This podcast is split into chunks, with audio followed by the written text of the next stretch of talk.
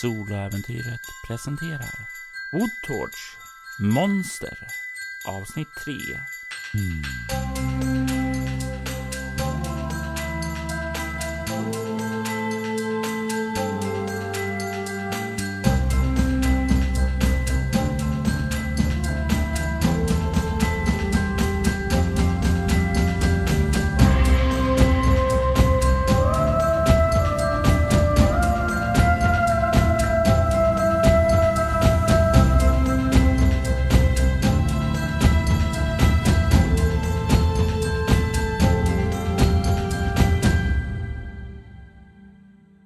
Ska röra oss ut.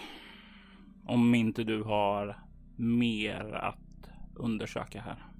Jag tror eh, Sarah sätter sig på, på huk liksom igen och bara tittar på den här hyddan.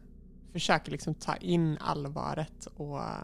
Och när du sätter dig på huk där och kollar så kan du ju se i hyddan fingeravtryck som har format det här. Du kan se skåror av klor som liksom har dragit i den, plattat till den, format den, fogat samman olika människor kroppar. Det är som ett sjukt bisarrt konstverk och det är fruktansvärt äckligt.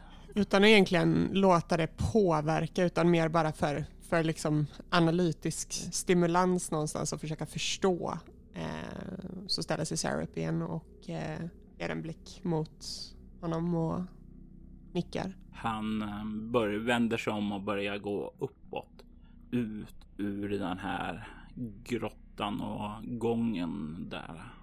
Ni kommer att komma ut såvida inte du dröjer dig kvar. Jag dröjer mig inte kvar utan jag liksom känner jag är nog ganska klar med det här rummet. Vad går genom Saras huvud så här när ni är på väg upp? Har hon några särskilda tankar om vad hennes nästa steg ska vara? Eller är det fortfarande oklart för henne?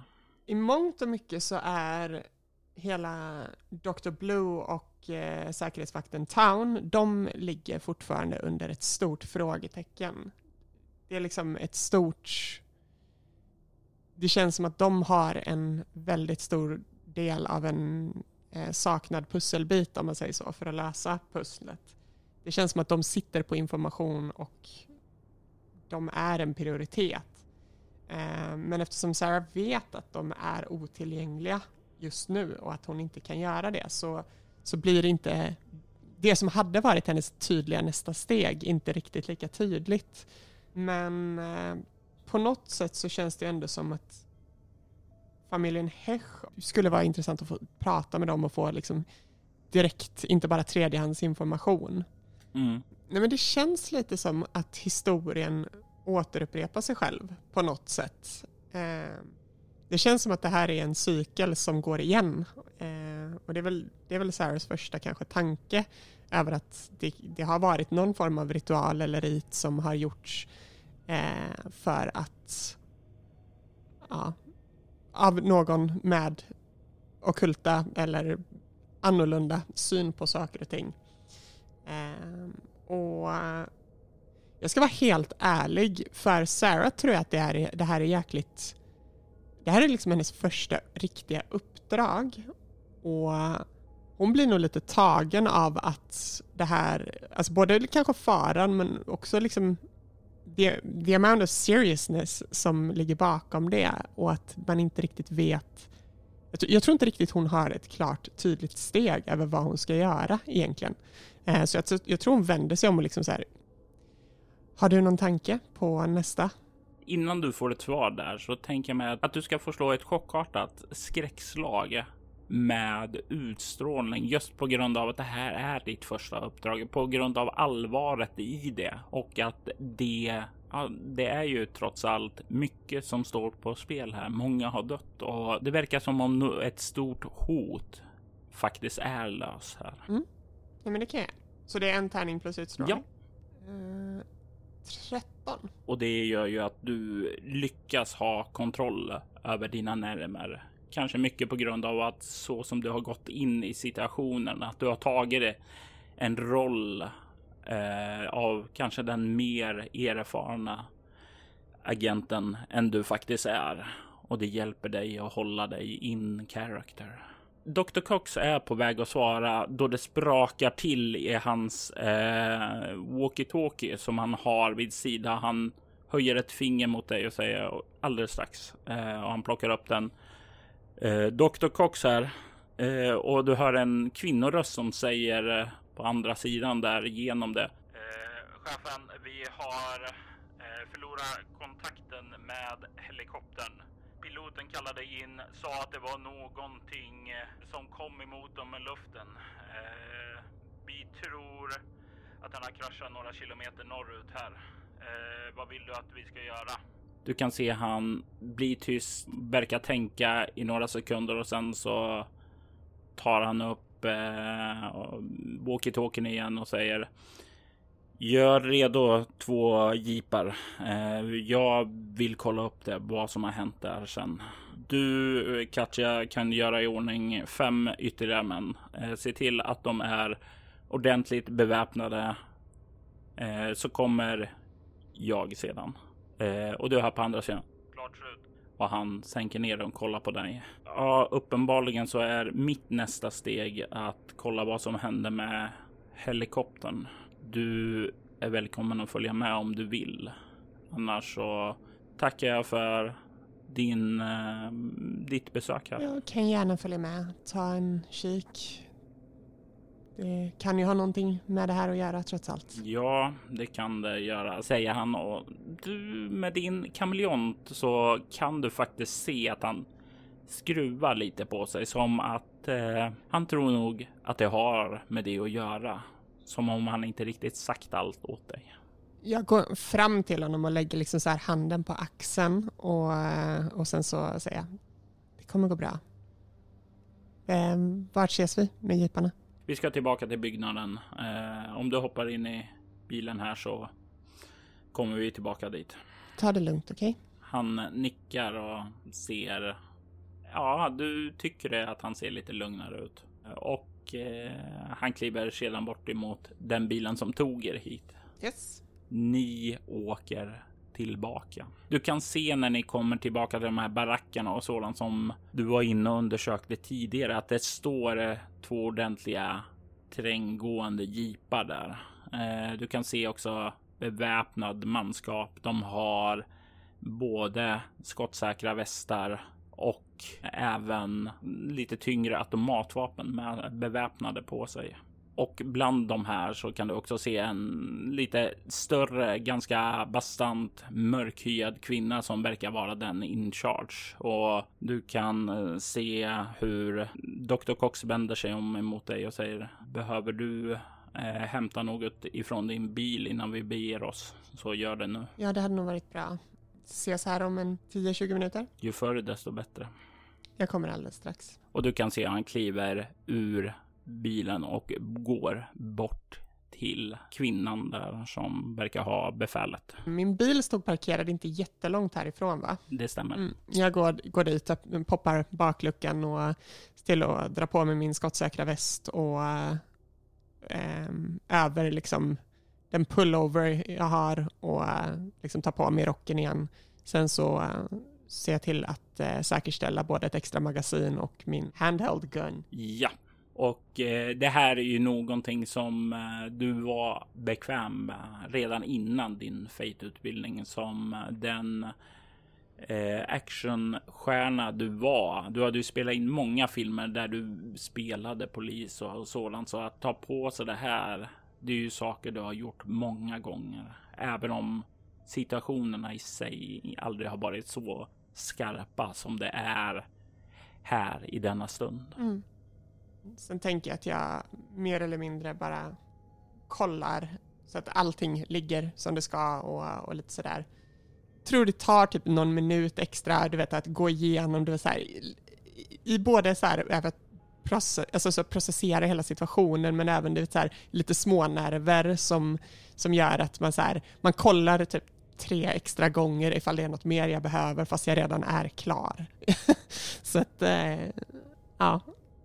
Sen efter det så stänger jag bakluckan. Det är viktigt att det blir rätt nu. Första ordentliga uppdraget.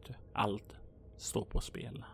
Du eh, kommer sedan vandrande bort däremot och du kan se hur den eh, mörkhyade kvinnan eh, tar ett steg fram mot dig och nickar och säger eh, Katja Stark. Sarah Ford, trevligt att träffas. Hoppas bara att det kunde varit lite mindre spännande omständigheter. Du kan se hon ler och säger samma här. Det är inte vardag. Eh, vi får hit kändisar i vår typ av arbete. Om vi kommer ut ur det här levande så då får du lova med en sak Miss Ford. Vad skulle det vara? Då får du ge mig en autograf. Vi kan säkert styra upp en fotosession också. Du kan se hon ler och blinkar lite åt dig och sen så vänder hon sig om mot de andra och verkar signalera åt dem att kliva upp i den ena jeepen samtidigt som hon går och sätter sig med Sebastian Cox i den andra och du kan se att hon gör en gest åt dig att sätta dig i den också. Mm, jag följer efter. Och ni börjar rulla ut ifrån området. Ni kör ju samma väg som ni började att köra när ni skulle till den här gruvan, men ni åker förbi det området och passerar ned bakom där. Kan ju se snart hur ni kommer till yttre delen av inhägnaden och du kan se att det finns en grind där också. Eh, den första bilen, eh, den stannar till framför grinden och en man hoppar ut och börjar öppna upp den och därefter så börjar ni rulla ut därifrån för att bege er iväg emot helikopterns nedslagsplats. Om det nu är så att den kraschade.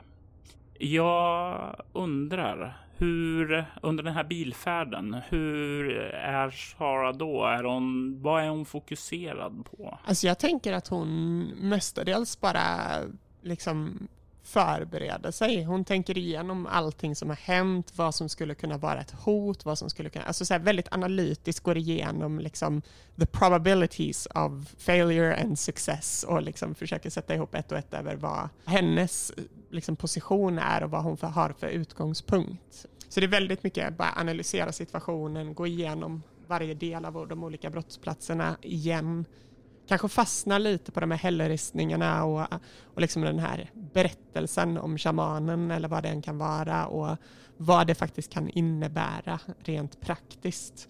Tänk tillbaks på klorna som verkar ha vuxit ut från Steve Cisco och hur det skulle kunna utgöra ett hot. Kraften bakom det som hade krävts i klocktornet för att liksom mer eller mindre bara bryta upp en vägg och skapa det där hålet. Ja, men verkligen bara analyserar allting och hur hon väl ska handskas med det när det väl kommer till kritan.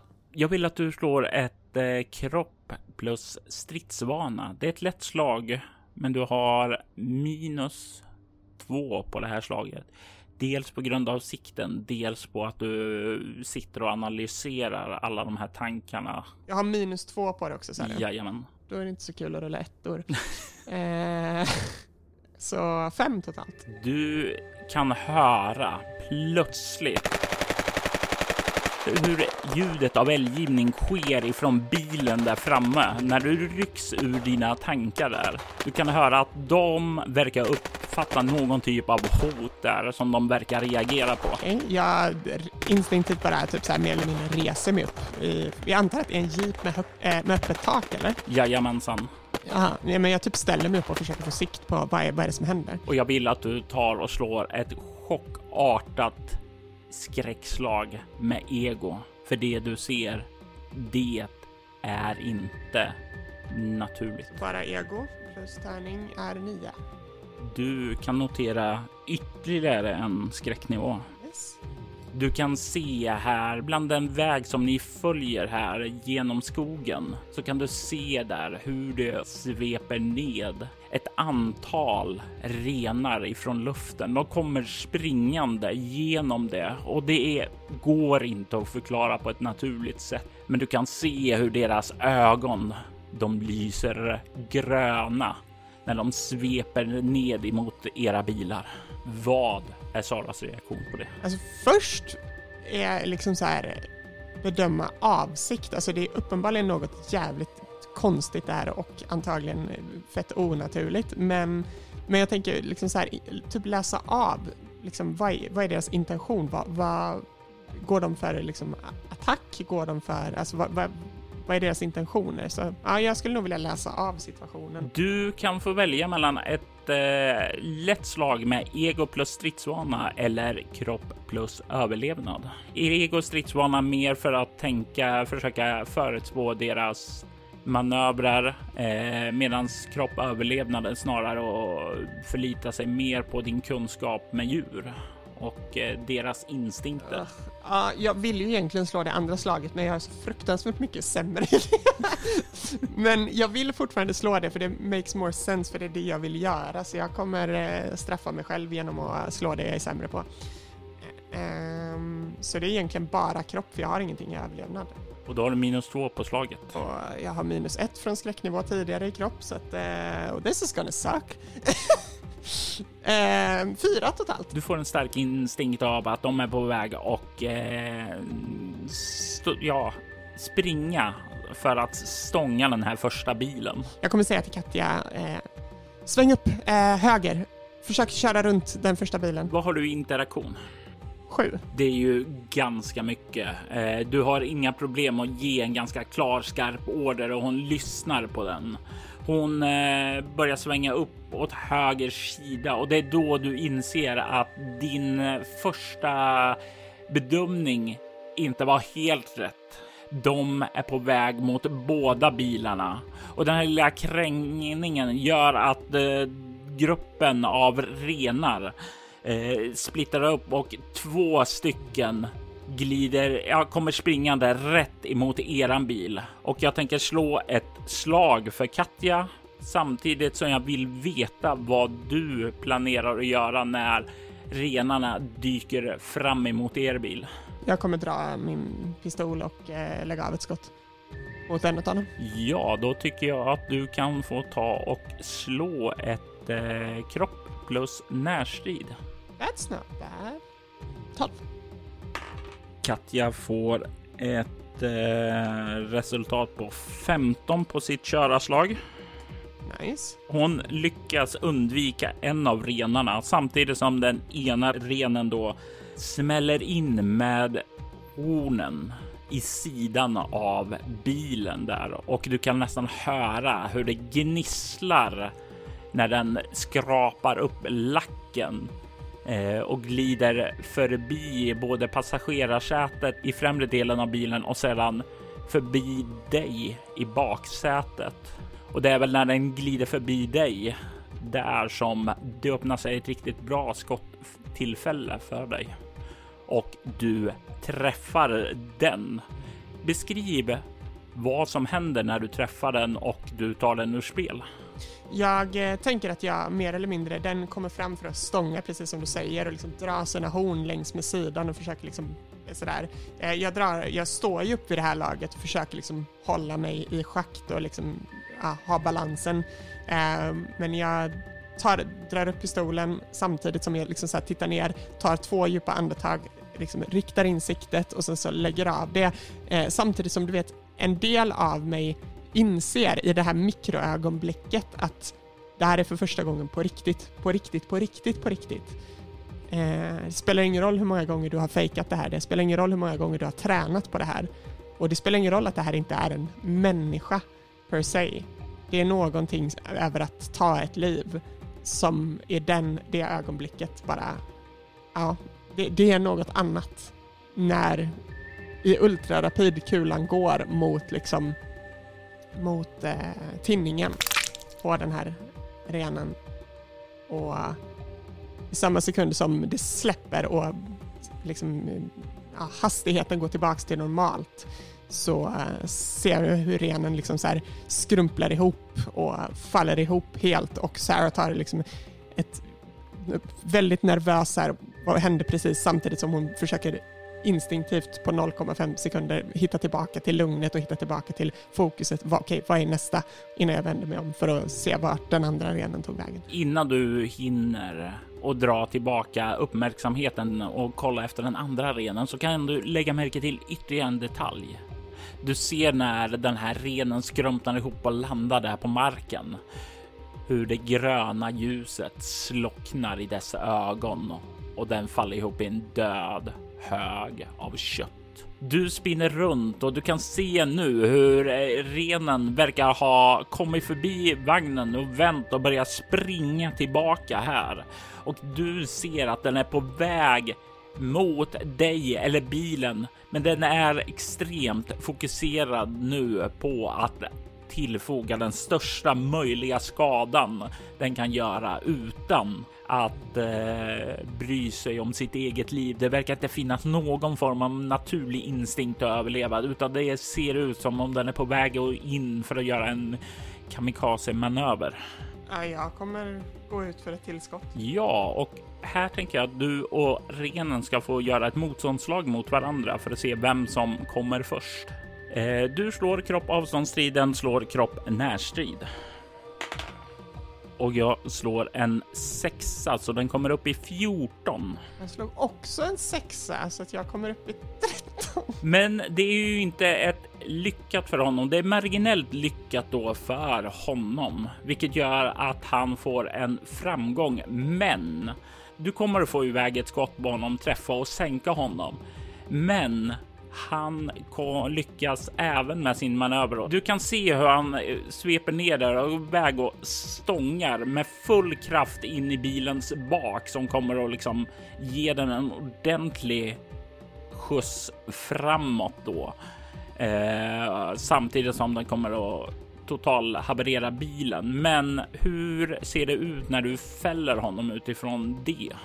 Jag tänker att den får ju in den här eh, mer eller mindre liksom så här nocken rakt på och liksom ta, verkligen gå för bilen och försöker göra allt den kan. Eh, och i liksom momentumet av att den precis liksom stångat in och liksom så här backar av i någon meter för att liksom gå för en till attack.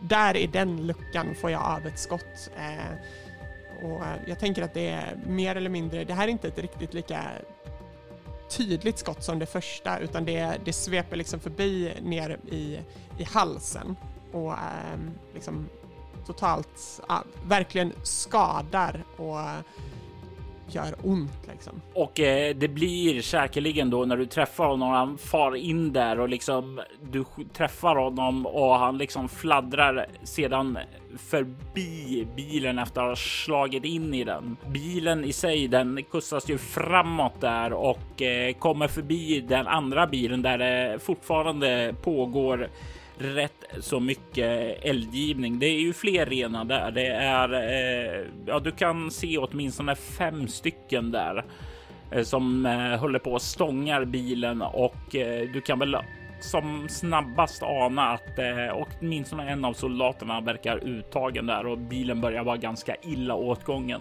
Er bil kastas förbi den och kommer lite längre fram på vägen och glider lite ned i ett eh, snöfyllt dike där samtidigt som renen då slungas över och förbi bilen och landar där framme död. Vi måste hjälpa de andra. Du kan se hur Katja nu när bilen är still hoppar upp där och eh, grabbar geväret som finns vid hennes sida och börjar ställa sig upp precis som du har varit stående där för att börja ta sikte och börja skjuta mot eh, de andra där bak. Du kan få slå ett kropp avståndsstrid tillsammans med henne för att se hur väl ni lyckas bistå dem, den brakre bilen. Yes, 12. Och hon kommer upp i 14. Ni ger eldstöd där och ni lyckas sänka varsin ren och till slut så lägger sig lugnet över området igen. Du kan se den andra bilen ser kraftigt illa åtgången ut. Kan se hur tre andra personer i den verkar ha överlevt. De andra ligger livlösa utanför bilen, träffade av renarnas horn. Men nu omkring er så kan ni se att renarna är döda. Jag tänker mig att det här är ett bra tillfälle för dig att slå ett chockartat skräckslag med kropp. För det är din första riktiga liv och dödstrid. Inte bara en filmscen av den kalibern. Eh, nio totalt. Då får du din tredje skräcknivå. Hur känner sig Sarah nu när stridens hetta har lagt sig? Alltså jag tror pulsen går alltså i 140, 70. det, det, alltså den, är, den dunkar på som tusan samtidigt som hon vet också hur det ser ut eh, med eh, om hon skulle tappa besinningen. Eh, så att hon låter ju inte det här på något sätt synas utåt. Eh, och fortfarande stays in character och verkligen bara är i den här rollen. Men det tar nog någon, någon minut eller två innan hon hinner lugna ner sig och för att hon ska kunna göra det ordentligt för sig själv utan att det ska märkas så tror jag att hon tar sig upp till en av renarna för att liksom inspektera den. En av de som har fallit liksom. Jag tänker mig att du kan få slå ett ego plus överlevnad eller ett ego plus okultism när du studerar den här renen för att eh, lugna ner dig. Jag tänker också att okultismen är mer rimlig här på grund av att jag vill ju se vad som eventuellt har påverkat dem. Jag vill inte kolla så att det var en vanlig ren eller du vet så här, mer så, utan det är mer utifrån aspekten över vad fan var det här liksom. Ja. eh, så det blir en total på 14. När du lutar dig fram och eh, för att inspektera det där så hör du hur Katja verkar gå upp eh, till eh, de andra överlevande eh, vakterna där för att eh, prata igenom läget, checka hur det är och även ge dem lite moraliskt stöd. Ledarskap helt enkelt. Du hör bak bakom dig också hur Dr. Cox verkar göra samma som du fast på en annan ren då. Du böjer dig fram där för att granska renen närmare och du kan ana att det finns saker här som sticker ut mot vanliga renar eller i alla fall vad du tror är vanliga renar. Du har ju inte så stort erfarenhet just med renar, men du tycker ändå att det brukar ju vara som så att renar har ordentliga ögon. Men här så kan du se att ögonen verkar ha en, en äcklig grön hinna över sig och ingen iris eller pupill eller någonting sådant. Utan bara en stor ögonvita som nu är grönaktig. Du kan även se hornen. Det är inte gjord av ben. Det verkar vara gjord av en grön ja, först är det nästan som du vill säga kristall, men någon typ av stensort i alla fall. När du kollar på den så ser den väldigt, väldigt kompakt ut. Den ser väldigt eh, vass ut också. Och det är någonting som får håren att resa sig på dig när du kollar på det. Det känns inte behagligt att vara i närheten av de hornen. Mm. Jag tror efter någon minut eller så äh, av studerande här och, och faktiskt också försöka lugna ner mig själv och gå tillbaka till att vara rationell och, och liksom logisk eh, snarare än att leva i känslan så, eh, så går jag upp till Dr. Cox som gjorde detsamma sa du va? Ja. Hittar du något? Han kollar upp där och verkar nicka och säger Ja, jag, jag har inte fått studera den själv, men utifrån eh, de rapporter jag fick så förefaller det som om hornen här. De verkar ha samma typ av egenskaper som eh, kometen hade. Intressant. Vad vet vi om kometen? Ja, vi vet inte allt för mycket om den. Annat än att eh, den skulle transporteras med helikoptern för att eh, studeras närmare. Den var oerhört tung. Eh, betydligt tyngre än vad eh, kometens omfång var, vilket tyder på att densiteten var enorm. Var inte särskilt stor, men vägde nästan ton. Mm. Kan ha andra egenskaper också. Som vadå? Oklart. Eh, jag vet ju att det här området har en rik monoatomisk eh, mineraltillgång. Och av vad vi vet så är det inte någonting som förekommer naturligt ute i jorden utan eh, som sagt var för länge sedan så kom det ett nedslag här i trakten. Eh, utifrån vad jag såg i hällristningarna så tror jag att eh, det vid förra nedslaget eh, här i trakten var uppkomsten till tillgången. Min förhoppning är nu att det kommer finnas mer monoatomisk mineraler, fast i en mer ädel form än vad det fanns här som vi bröt. Mm. Och gissningsvis så på något sätt så kan de här renarna kanske kommit i kontakt med materien? Det är min gissning, ja. Eh, vilket inte bådar gott för helikoptern.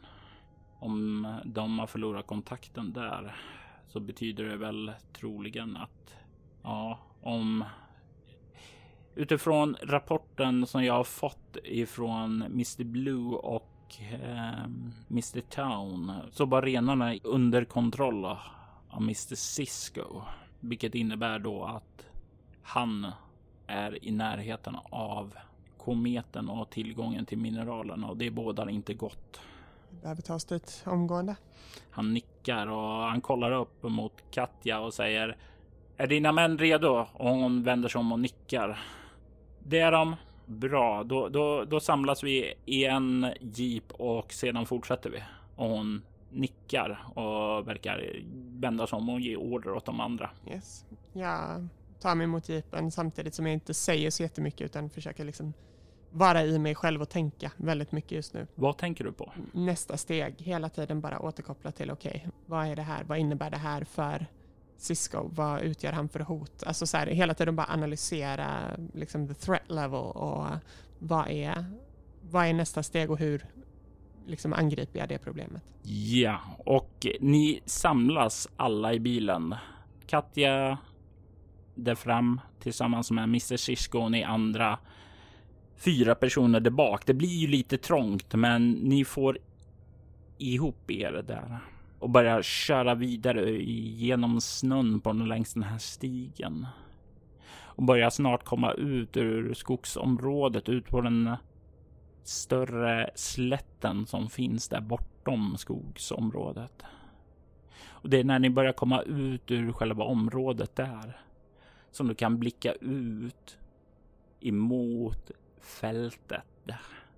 Och det lyses upp här i den mörka natten av eld som verkar brinna ifrån kraschade delarna av helikoptern. Och du kan se rök också som har bolmat upp där. Men det är ytterligare en sak som verkar skymma sikten där. En grön dimma har också börjat att svepa in området. Du kan ana vrakdelar från helikoptrar där ute eller möjligtvis stenbumlingar där. Det är dålig sikt där inne i området, men du tycker dig se någonting som rör sig där borta. Woodtorch Monster avsnitt 3 var ett scenario skapat, spelet och redigerat av Robert Jonsson. Spelare i detta avsnitt var Agnes Rudbo som Agent Sarah Ford. Temamusiken till detta avsnitt gjordes av Marcus Linder som du hittar på Bandcamp som en bit. Övrig musik gjordes av Creation 4, Ugasani och Coag Music. Ugasani och Creation 4 är band som tillhör bolaget Cryo Chamber. Vill du ha stämningsfull ambient musik vid dina spelmöten rekommenderar dem varmt. Du hittar länkar till dem på Bortom-bloggen. Soloäventyret är en actual play podcast där vi spelar rollspelen Bortom och Leviathan. Ni kan komma i kontakt med oss via mail på info.bortom.nu. Det går även att följa oss på Instagram och Twitter som att spela bortom, som Soloäventyret och Bortom på Facebook samt på bortom.nu. Tack för att ni har lyssnat.